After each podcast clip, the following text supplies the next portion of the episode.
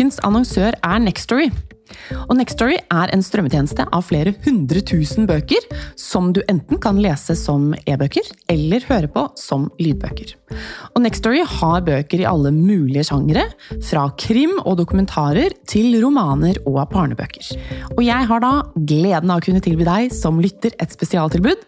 Hvis du går inn på nextory.no svartrost og registrerer en bruker der, så får du seks uker gratis med tilgang til hele det fantastiske biblioteket av e-bøker og lydbøker hos Nextory.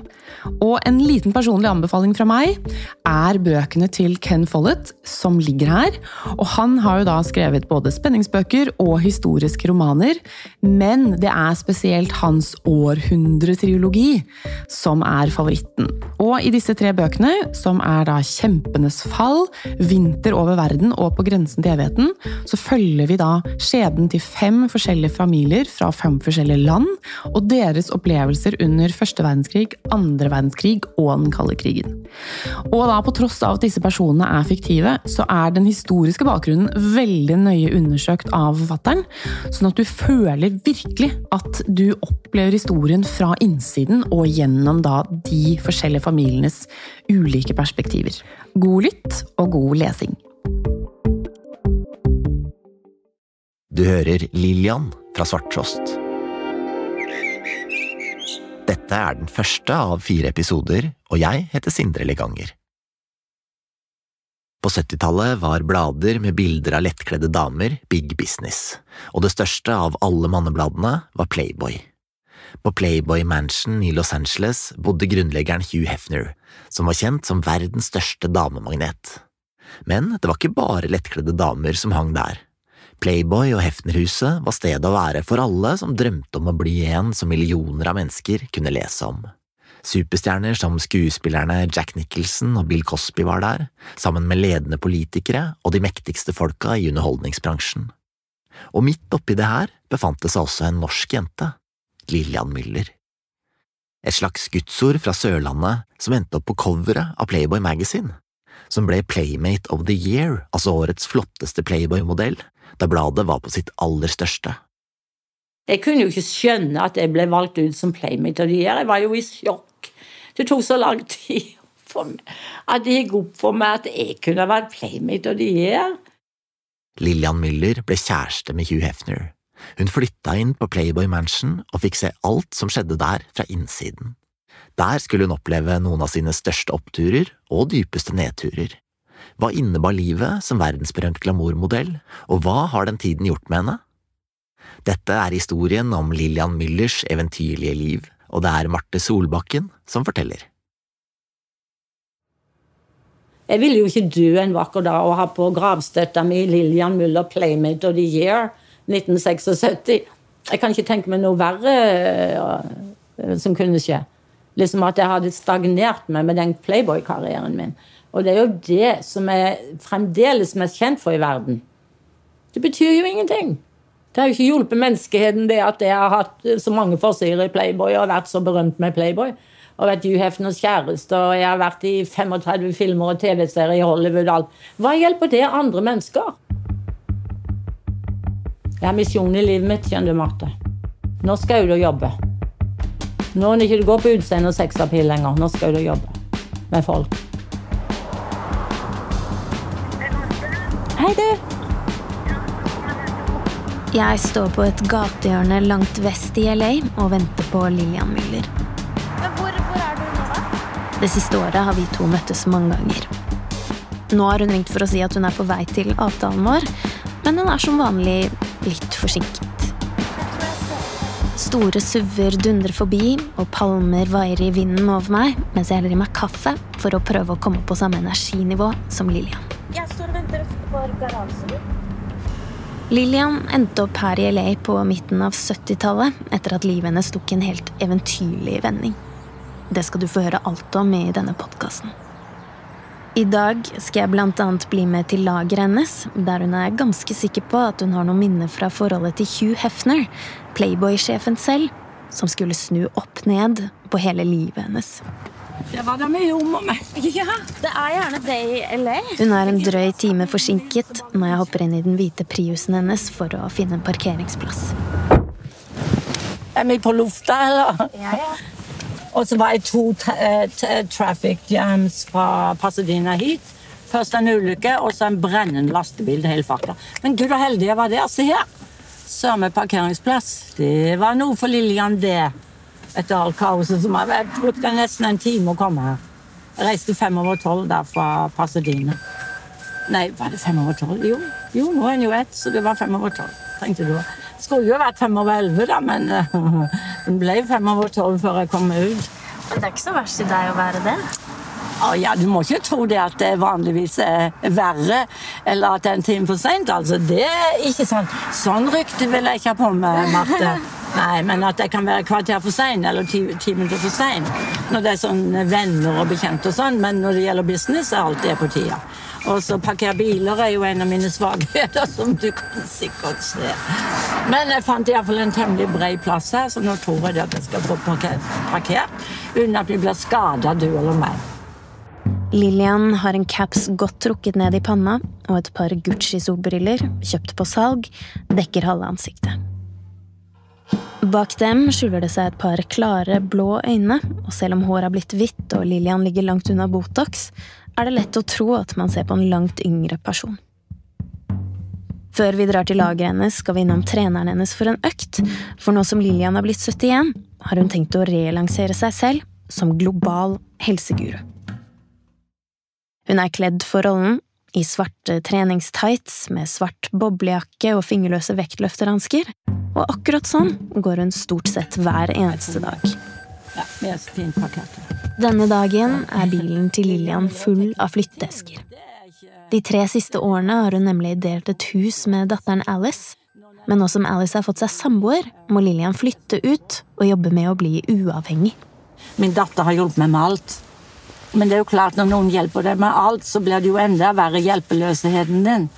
Så jeg tror faktisk jeg må gå på universitetet og sånn, så, ta sånn praksiskurs i hvordan jeg skal leve livet mitt på egen hånd. Så jeg jobber med det nå, at jeg blir uavhengig i en alder av 71. For jeg har hatt kjæreste hele mitt liv. De har gjort alt for meg. Jeg trenger ikke aldri konsentrere meg om noen praktiske ting. Verken eh, matlaging har jeg jo aldri greid å lære. Fordi at, ikke det at jeg har prøvd heller, altså, men eh, det var blitt sånn at jeg kan ikke lage mat. Min datter er jo kjempekokke. Og hva du sa, at hun fikk sin første middag på 20-årsdagen sin. Da hadde jeg lagd hennes første middag. Det var visst veldig mye olje. Hun sa det var for, mamma, du hadde olje i alt. Det var sånn, det var ikke bare det at jeg hadde olje i alt, men alt drukna visst i olje. Så du kan jo tenke deg så middagen var. da, Men det var ingen som klagde. Det var ingen som klagde, og Lillian har alt begynt å planlegge neste middag hun skal lage til datteren. Det blir om tre år, når Alice fyller 35. Men det å lære seg å lage mat, og i det hele tatt å gjenskape seg selv såpass sent i livet, er ingen liten oppgave. Men det er jo klart at når du blir 70 år, vet du, det, da, da må du jo gå deg sjøl i sømmene og så si til deg sjøl hva er det liksom det er, så mye, det er så mange viktige ting. Det er ikke bare én ting. Og hver dag går jo så fort. Og det sier jo det at eh, jo eldre du blir, jo fortere går dagen. Det er jammen sant. Det har jeg iallfall funnet ut. Ja vel, Men nå må vi inn, og så vi kan få trent litt, for nå har han treneren venta på meg en time og åtte minutter. Nå skal vi se hvordan det går når vi kommer inn der, og sur han er, eller blir han er. Nå skal vi se. Vi får se. Gå. Lillian Müller har vært på cover av Playboy hele ni ganger og vært avbildet inne i bladet mer enn 50. Hun ble også kåret til Playmate of the Year i 1976, da bladet var som aller størst, og med det så er hun antageligvis Norges største pinup gjennom tidene. Men så er det jo ikke sånn hun vil bli husket. Det siste tiåret har hun derfor stilt opp i en rekke norske realityserier, der hun har det med å ryke ut i første omgang. Jeg likte jo ikke å ryke aller først. Det gjorde jeg jo ikke, for jeg er jo vant til alle de, den nye familien min. Og det hadde jo vært så all tider. Skal jeg grine? Jeg vet ikke. Sånn der har det ofte gått når Lillian har prøvd å reintrodusere seg for verden. For går det egentlig an å skrive om sin egen fortelling såpass sent i livet?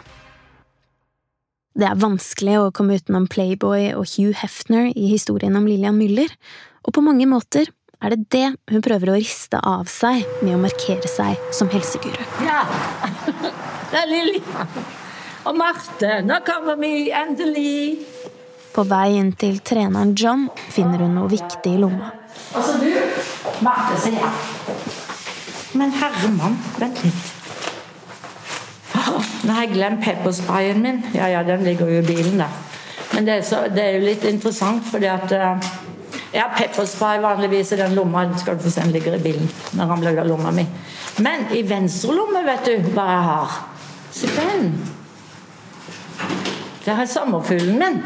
Den er fra da mamma da jeg var hjemme i Norge når hun var syk. Så fikk jeg den sommerfuglen til min mor. Uh, for det er jo sånn at uh, for hver eneste periode i livet ditt, og kan du si hver tiende år, det, som jeg ser på det, så er det en helt nytt liv.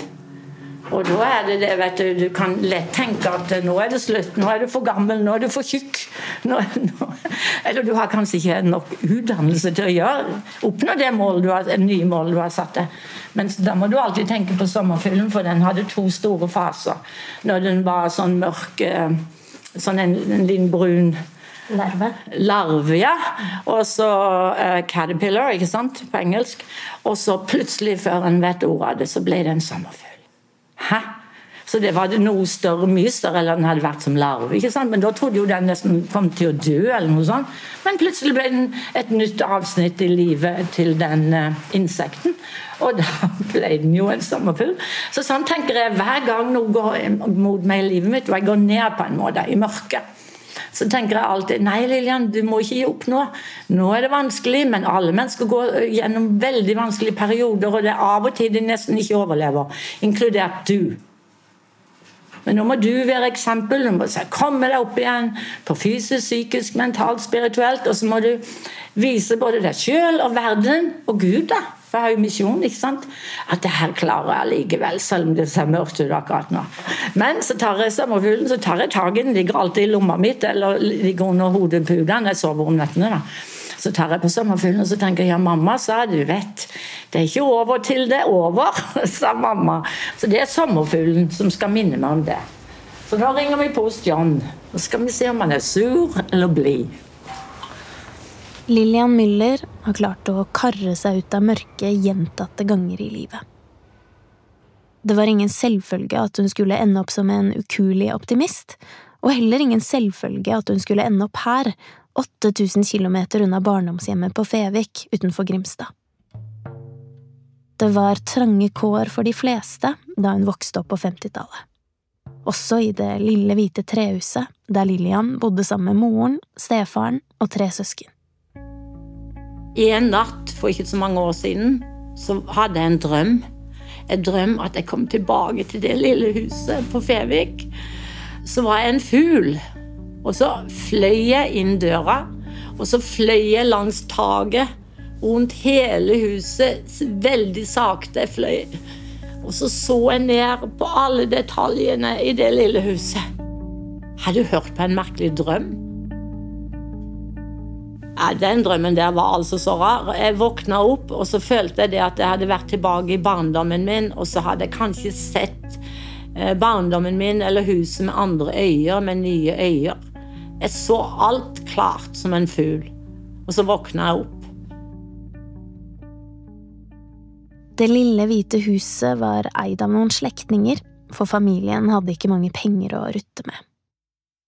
To voksne og fire barn delte ett soverom, og Lillians stefar fisket laks og jaktet vilt for å sørge for mat på bordet. Vann måtte hentes i en brønn. Alkohol preget mange hjem i nabolaget, også Lillian sitt. Men om våren blomstret syrintreet utenfor kjøkkenvinduet, mens blomkarset i gult og oransje lyste opp bedene langs husveggen.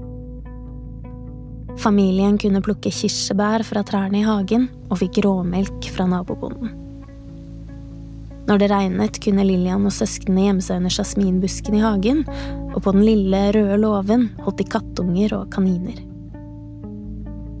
Lillians mor Lilla hadde vært til sjøs og fortalte historier om reisene sine, mens Lillian og søsknene drømte seg bort til Amerika. Eh, hun, hun, var ute et helt år første gangen, så hun gikk inn i mange havner internasjonalt, bl.a. i San Diego i Amerika. Så da kan jeg huske at hun prata At hun var stadig Når hun skulle liksom trøste oss med noe, eller det var rett før barnetimen om lørdagen, og så var det ønskekonserten om mandagen. Kan huske på radioen, for det var jo ikke TV i den tida der. Um, så fortalte hun alle de her historiene hun hadde å fortelle for nå var i utlandet, såkalt, og alt hun opplevde i alle de landene, inkludert Amerika. ikke sant? Og så hadde jeg noen tanter som var emigrert til Amerika eh, tidligere. Min, min, mor hadde to søstre, og min far hadde tre søstre. Og de fikk eh, mye pakker fra til jul. Og så fikk vi julekort med sånn Wrigley chewing gum. Sånn, de hvite platene og de gule platene og de, og de grønne platene, kan jeg huske. Og så fikk vi en dollar, kan jeg huske, til jul. En dollar, det var veldig stort. Og jeg leste og drømte meg vekk, og så tenkte jeg, og med alle historiene mamma fortalte hver kveld før vi la oss, og sånn, så var det det at Å, Amerika! Der skal jeg. En dag så skal jeg til Amerika.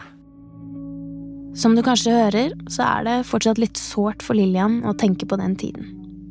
For det hendte ganske ofte at hun trengte å drømme seg vekk fra det lille hvite huset. I 1998 kom boka Usminket, der hun beskriver oppveksten sin til journalist Bjørn Benkow. Stefaren er snill, omtenksom og sjenerøs så lenge han er edru. Da kan han finne på å ro dem ut i skjærgården for å sanke måseegg. På sånne dager spiser de niste og drikker melk som har blitt lunken i sola. Men når han har drukket, da kan det gå i svart. Da, da når han ble full og skummel, så løp vi jo inn på soverommet. Og mamma med oss. Hun tok jo vare på oss. Det var jo bare oss som var viktige for henne. Og det var jo trist, men han var jo sjalu, vet du. Mamma var på dans og var jo så flott. Så alle menn ville eh, invitert henne ut. Hun var jo superpopulær. Så du vet eh, Og de, de, levde jo sammen, men de var jo ikke gift. Var han voldelig noen gang? Ja, jeg tror hun fikk vel et klapp av og til, tenker jeg. Mm. Det gjorde hun nok. Mm. Men han, holdt, han, slo jo ikke i hjel. Men eh, jeg var jo vitne til at han klappa til henne. Mm. Av og til. Det husker jeg. Lillian liker ikke å dvele ved mørke øyeblikk som dette. Hun sier hun er en glasset halvfullt person, og at det ikke handler om hvor man kommer fra, men hvor man ender opp. Du skjønner greia. Det har kanskje vært en viktig strategi å vende blikket vekk, men noen opplevelser er jo nødt til å sette seg i kroppen. I boka står det for eksempel en enkelt setning om noe som den lille Lillian var vitne til. En gang forsøkte han å kvele henne, står det, men hun tilga ham alltid. I en annen episode henter stefaren fram geværet. Og da husker jeg det at vi var livredde og løp ned til naboen i nabolaget. Eh, og da skjøt han etter oss med det geværet. På avstand, da, selvfølgelig. Han var ikke rett bak oss. Han var full, vet du. Med total alkohol. Det tok, det tok eh, mange, mange mange år i mitt liv hvis et menneske, hvis jeg så en mann drakk alkohol. Kunne ikke være sammen med han. Jeg.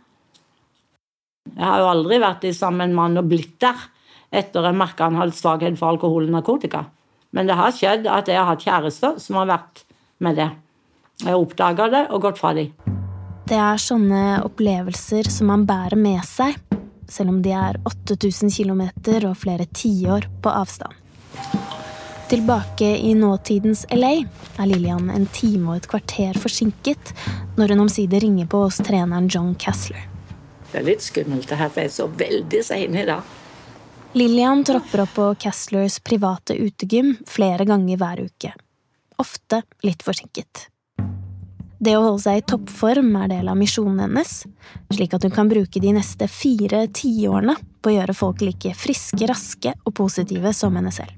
En time Hey, John. Young lady and hey, young lady. Yes. Yeah, young, young lady, young lady. So I, I know I'm very late, John, and I am so sorry. But if you Google everything I've been through on the freeway, Oh, yeah. not not kidding. First it was an accident. And then it was a burning truck. John Cassler har vært Lillians trener i 25 år.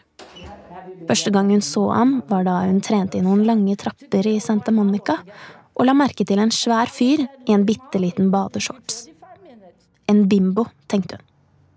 When she first saw me, she thought I was a, a what'd you call me, a bimbo, a I thought bimbo? he was a bimbo, you know, like a, a All Barbie muscle, doll, no brain. but the man version. And then we start talking, and then I'm like, what? The guy has brains? But you know, he had a girlfriend and everything, and I had a boyfriend, so it wasn't about that. But it was like, you know, I'm finding out that you can really look fantastic, but you can still have brains, you know, and education and everything. And he was, he's one of those people. Det har aldri vært noe romantisk mellom treneren og henne, forteller Lillian, selv om alle har trodd det. Og det er bra, for hun sier at hvis hun blir involvert med noen, da er det bare et tidsspørsmål før det skjærer seg. Stayed friends. And I think also when you stay just really good friends with somebody, I think the relationship has a, a bigger chance to last. Because when you get involved sexually or romantically and all that stuff, you know, eh, for me anyway in my life, you know, it's just a matter of time when it's going to be over, you know, because I can't make it work both. Either I have this or I have that with people, you know. So we going to work out. Yeah, we're going to work out.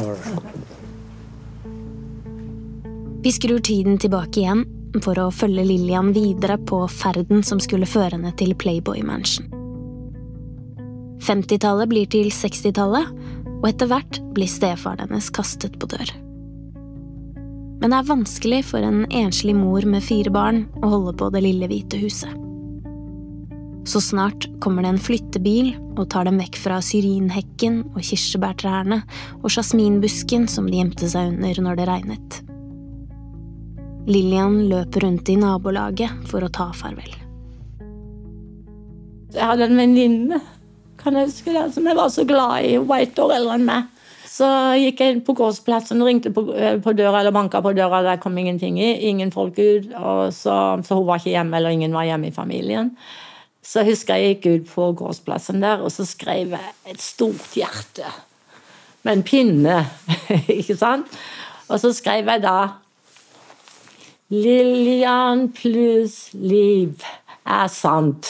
Vi var så gode venninner. Og så vet hun iallfall det at jeg er glad i henne, og så at vi ser sikkert snart igjen. Det var liksom det jeg gjorde før jeg kom inn i huset, eller opp til huset, og flyttebilen sto der, og måtte inn i, i, inn i flyttebilen og kjøre av gårde. Lillian ser aldri venninnen igjen, og snart kommer en enda større avskjed. Moren får leid et hus i Arendal, men etter hvert blir det klart at den eneste måten hun kan skape et varig hjem for familien, er ved å dra til sjøs for å legge seg opp noen penger. Så når Lillian er elleve, havner hun og de tre søsknene hennes på et barnehjem. Hunden deres løper etter bilen når de kjøres vekk. Det skal ta flere år før moren kommer tilbake for godt. Har du et enkeltpersonforetak eller en liten bedrift? Næringsoppgave, MVA, årsregnskap, avmelding Du er kanskje usikker på hva som skal leveres når og hvordan? Regnskapsprogrammet Fiken gir deg full kontroll, og skulle du glemme noe, gir vi deg en påminnelse. Selve innleveringen gjør du også raskt og enkelt i programmet. Gjør som over 70 000 andre, ta regnskapet selv med Fiken. Prøv gratis på fiken.no. Før du hører videre, så vil jeg tipse deg om en annen serie som du finner her i Svarttrost Dukk. En høstkveld i år 2000 forsvinner 20 år gamle Tina Jørgensen sporløst fra Stavanger. Er det noe vi kjenner? Hva, hva er det som har skjedd her? Den natta hun ble borte, var det mange mistenkelige folk på byen. Altså, det var så mange med et sedelighetsmodus som var kartlagt rundt Stavanger sentrum. Det leites i flere uker uten resultat, helt til to politifolk åpner et kumlokk. Det er et bilde som har brent seg inn i, i minnet mitt som du aldri kommer til å glemme når du snakker om det. Dette er Tina. Hør hva skjedde med Tina i Svarttrostdukk.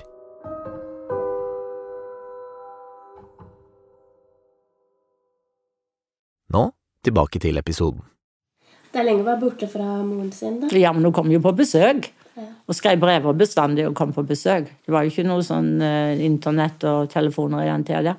Men det gikk i grunnen uh, på en måte veldig fint. Og jeg lærte ting der som jeg kanskje ikke ville ha lært uh, ellers. Det skjer viktige ting for Lillian i løpet av disse årene. En av bestyrerne på barnehjemmet legger merke til at hun er skoleflink, og skaffer henne en plass på den kristne internatskolen Kvitsund. I biografien Usminket beskriver hun seg selv som et smålubbent skolelys som mest holder seg for seg selv. Etter fem år til sjøs kommer moren Lilla hjem og samler alle barna i et rekkehus som bare er deres. Det er en av de lykkeligste dagene i Lillian sitt liv. Hun blir 15, 16, 17, og hun kommer inn på Hornes gymnas, som ligger like ved soldatleiren på Evjemoen utenfor Kristiansand. Etter hvert får hun seg en soldatkjæreste som gjør henne helt mo i knærne. Han smugler henne inn på brakka når de andre soldatene er ute, og når de ligger der i senga, får hun øye på noe som hun liker dårlig. Så husker jeg jeg lå på senga hans og så så jeg opp i taket. Og de hadde, de hadde faktisk eh, tapensert Tapensert er vel det ordet jeg kan bruke, med Playboy sånn utslagssider eller, eller midtsider.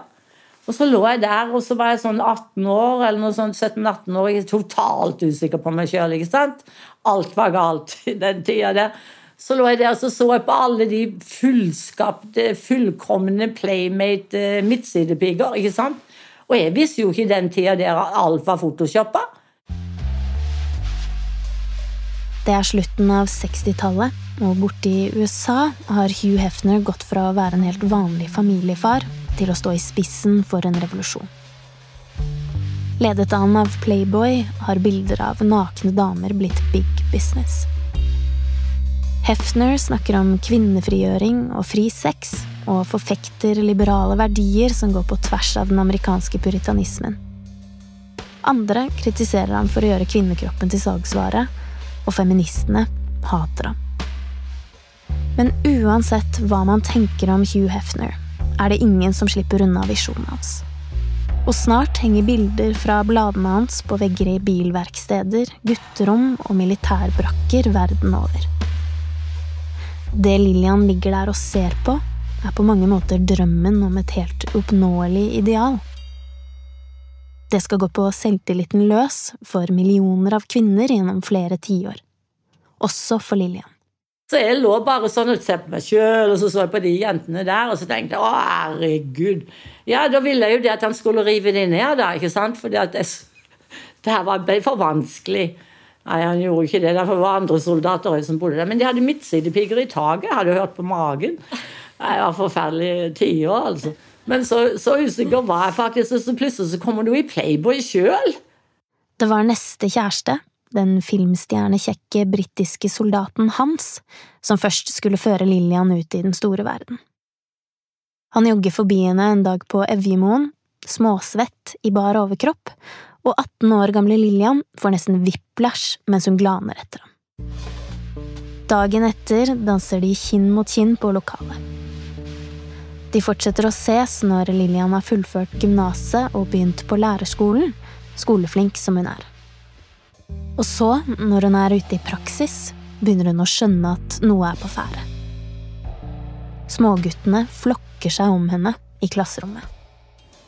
Jeg må, jo, jeg må jo ha skapt litt sensasjon på en måte pga. at alle de småguttene stilte seg alltid opp rundt meg og diskuterte meg og sånn. Så da må jo jeg allerede begynt å kle meg litt sexy, vil jeg tro. Jeg kan ikke huske det, altså, eh, nøyaktig hva jeg hadde på meg. Sånn. De diskuterte det? Ja, altså, jeg, jeg, vet jeg kledde meg, Kanskje jeg kledde meg på en måte sånn at uh, det vekker litt oppsikt. Jeg vet ikke. Sminka meg litt og, og sånn. Men, uh, men jeg fikk iallfall oppmerksomhet fra småguttene, kan jeg huske, når vi var ute og skulle undervise. Men var det første det positivt? Eller? Ja, nei, men jeg kunne ikke skjønne det, for det var jo ikke det jeg var interessert i. Jeg var interessert i å lære de ting. Men de var, mest, eh, de, de var, mest, opptatt av hva jeg hadde på meg, og hvordan jeg så ut. Mm. Så det må jo ha begynt eh, allerede den gangen. Da var jeg jo ikke mer enn 20 år, eller 20-21, eller noe sånt, vil jeg tro. Så jeg må jo ha begynt da, faktisk. Og... En lokal fotograf tar noen bilder av Lillian på den tiden.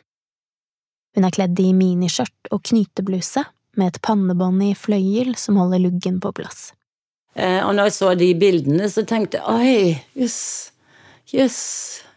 Lillian sitter og ser på bildene med bestemoren og moren, som sender dem inn til Frøken Norge. Jeg hadde aldri sett på meg sjøl som noe såkalt pen eller sexy eller eh, interessant kanskje for menn eller sånn i det hele tatt. Så når jeg fikk se de bildene, så, så, så fikk jeg litt som idé Hm, ja, ja vel. Jeg begynte liksom å åpne øynene mine og se at jeg, jeg så litt fin ut. For jeg, jeg rodde jo vokste opp med mindreverdighetskompleks og sånn veldig kraftig mindreverdighetskompleks. Så jeg var litt tjukkfallen i perioden jeg var liten, og så var jeg tynn og rett opp og ned eh, når jeg ble tenåring.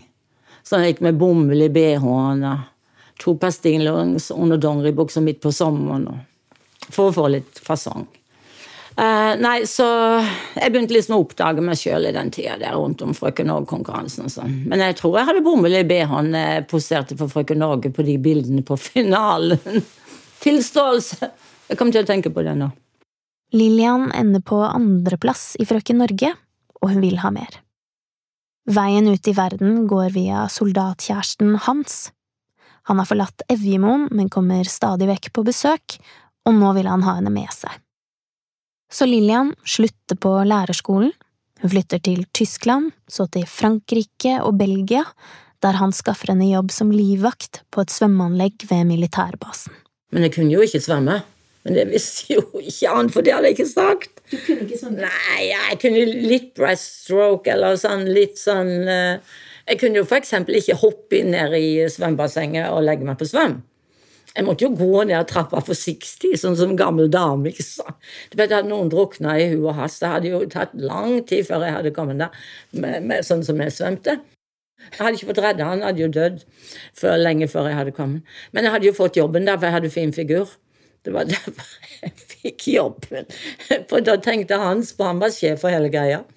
Så tenkte han da at eh, da, da kunne han tiltrekke mange gutter da, til svømmebassenget om dagen. Så det var sikkert det som lå bak, for de ville ha mer folk. For det var så veldig lite folk når jeg begynte å være lifeguard. Men det ble jo veldig mye gutter etter hvert. da. For jeg hadde fått den jobben. Det var faktisk da jeg begynte å tenke oi, modell? Kanskje et eller annet var noen som hadde sagt ja, du skulle bli modell. Men det var jo før jeg tok brystoperasjon og alt det her. Jeg var jo nesten flat, vet du. Hvordan er det egentlig å være så eksepsjonelt vakker at det blir en slags kraft som bare drar deg videre i uante retninger. Det ligger kanskje en slags makt i det, men jeg ser for meg at den makten lett kan glippe. Uansett så drar Lillian videre fra bassenget i Belgia til London, der hun flytter inn i en bitte liten leilighet og begynner på modellskole, der hun lærer å posere, sminke og kle seg. Noen måneder senere går hun ut som den beste i kullet. Hun gjør det slutt med kjæresten.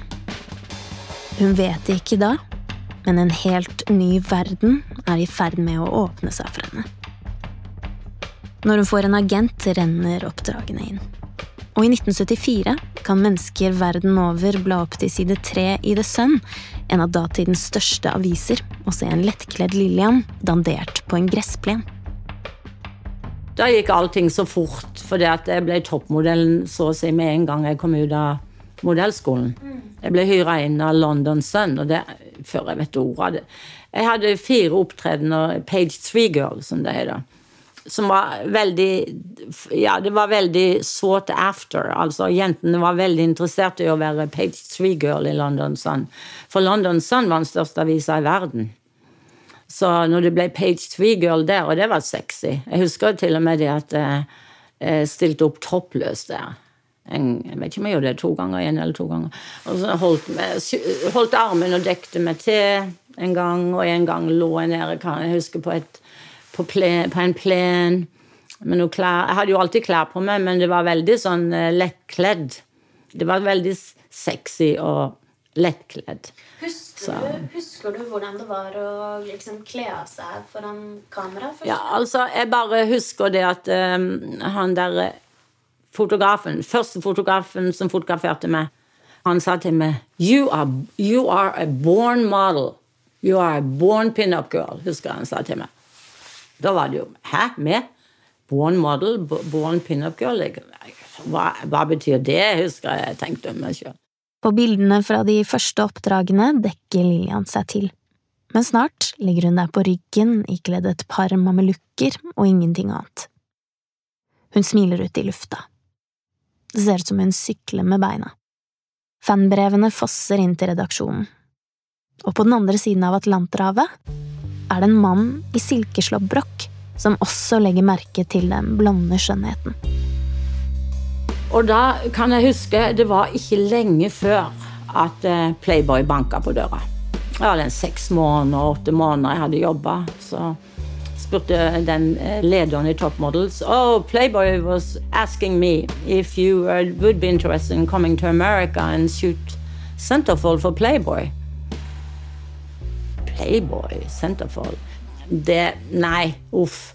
Nei, det var altfor fint. Altfor sexy. For jeg hadde vært så sjalu på den soldaten. Han, og jeg tror han hadde noen i taket òg, forresten.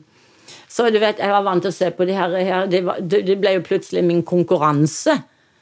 Og så plutselig var jeg nå i London, og så spurte agenten min om jeg ville reise til Amerika og bli sånn, liksom. Ikke sant? Så det første var jeg tenkte var, men herregud, kan jeg se sånn ut? Det var liksom det første. Jeg visste jo ikke den gangen at alle bilder var så fiksa. Men til tross for en viss skepsis, så lever fortsatt den gamle barndomsdrømmen om Amerika. Eh, så jeg tenkte da, når de tilbød meg Playboy i Amerika, så tenkte jeg å, jeg vil til Amerika. Det var det første jeg tenkte. Playboy var liksom nummer to i tankene mine. Men hvis noen inviterer meg til Amerika, da vil jeg der. Så de faktisk eh, eh, Playboy da jo, var veldig eh, medgjørlige, for de ville absolutt ha meg her. For Hugh Hefner hadde sett et bilde av meg i pressen i London. Og han hadde sagt til eh, den sekretæren da, som eh, henvendte seg til modellagenten min, få den jenta over her. Hun skal i Playboy, hun skal ha cover, og hun skal ha midtsidepigg hos oss. Så Lillian flys over til Chicago, der Playboy har sitt østlige hovedkvarter. En dag hun skal fotograferes, står hun på fortauet utenfor godset da en svart limousin bremser opp foran henne. Og så var det sånn mørke vinduer, og så gikk vinduet sakte ned bak i limousinen. Et firskårent manneansikt kommer til syne. Blikket er mørkt, haken kraftig. Han er kledd i silkeslåbrok, og han måler henne opp og ned. Og hvem stakk hodet ut? Jo, Hugh Hefner. Jeg kom aldri til å glemme det. altså. Så stakk han hodet ut, og så så han på meg. Og så sa han 'Who are you?' Så hadde han jo hatt et bilde av meg, men han kjente meg jo ikke igjen. Jeg har ikke sminke på meg, ingenting. Men jeg husker iallfall han sa 'Who are you?' sa han. 'Oh, I'm Lillian from Norway'. Det kan jeg bare huske jeg sa. I'm Lillian from Norway. Sånn ordentlig sånn langt ut på landsbygda. Så flau og sjenert, vet du. Oh, wow, you're from Norway, huh? Yeah. Oh, hmm. Og så sa han, hey, would you like to have dinner with me tonight? Og så bare Dinner with you? Ja, ja, ja. Her, du, jeg følte jeg var kommet inn i en annen verden temmelig fort. I neste episode skal vi reise inn i den andre verden. Til Playboy Mansion og inn i armene på mannen i silkeslåbroken. Han skal både gjøre Lillian verdensberømt og nesten drive henne fra vettet. Jeg hadde jo ikke venta at jeg skulle komme opp i noe sånn. Jeg var så forelska i han, skjønner du. Han var så kjekk. Eh, så jeg ble jo forelska i mannen, og det skulle jeg vel kanskje ikke ha gjort.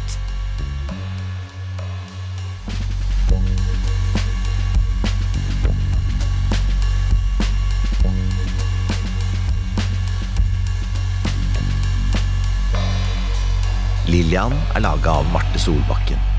Lyddesign ved Nils Jakob Langevik, som også har laga musikken i samarbeid med Henrik Lødøen, Christian Breivik Jacobsen og Marte Solbakken.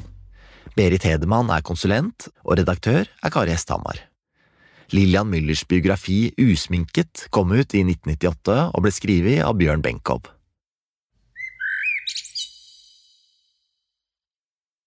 Resten av denne serien er eksklusiv for abonnentene våre. Du kan bli abonnent ved å søke opp Svarttrost Dukk i podkastspilleren til Apple eller i Spotify. Hos Apple så kan du trykke på abonner-knappen i appen, mens i Spotify så kan du følge lenka i episodebeskrivelsen. Og hvis du har spørsmål, så finner du oss i Svarttrost på Facebook og Instagram. Skal du pusse opp eller bygge noe nytt? Ikke kast bort tid på å lete etter håndverkere selv.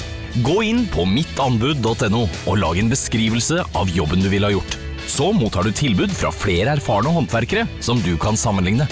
Med mange tilbud er du sikrere på at du velger riktig bedrift, og at jobben blir skikkelig utført.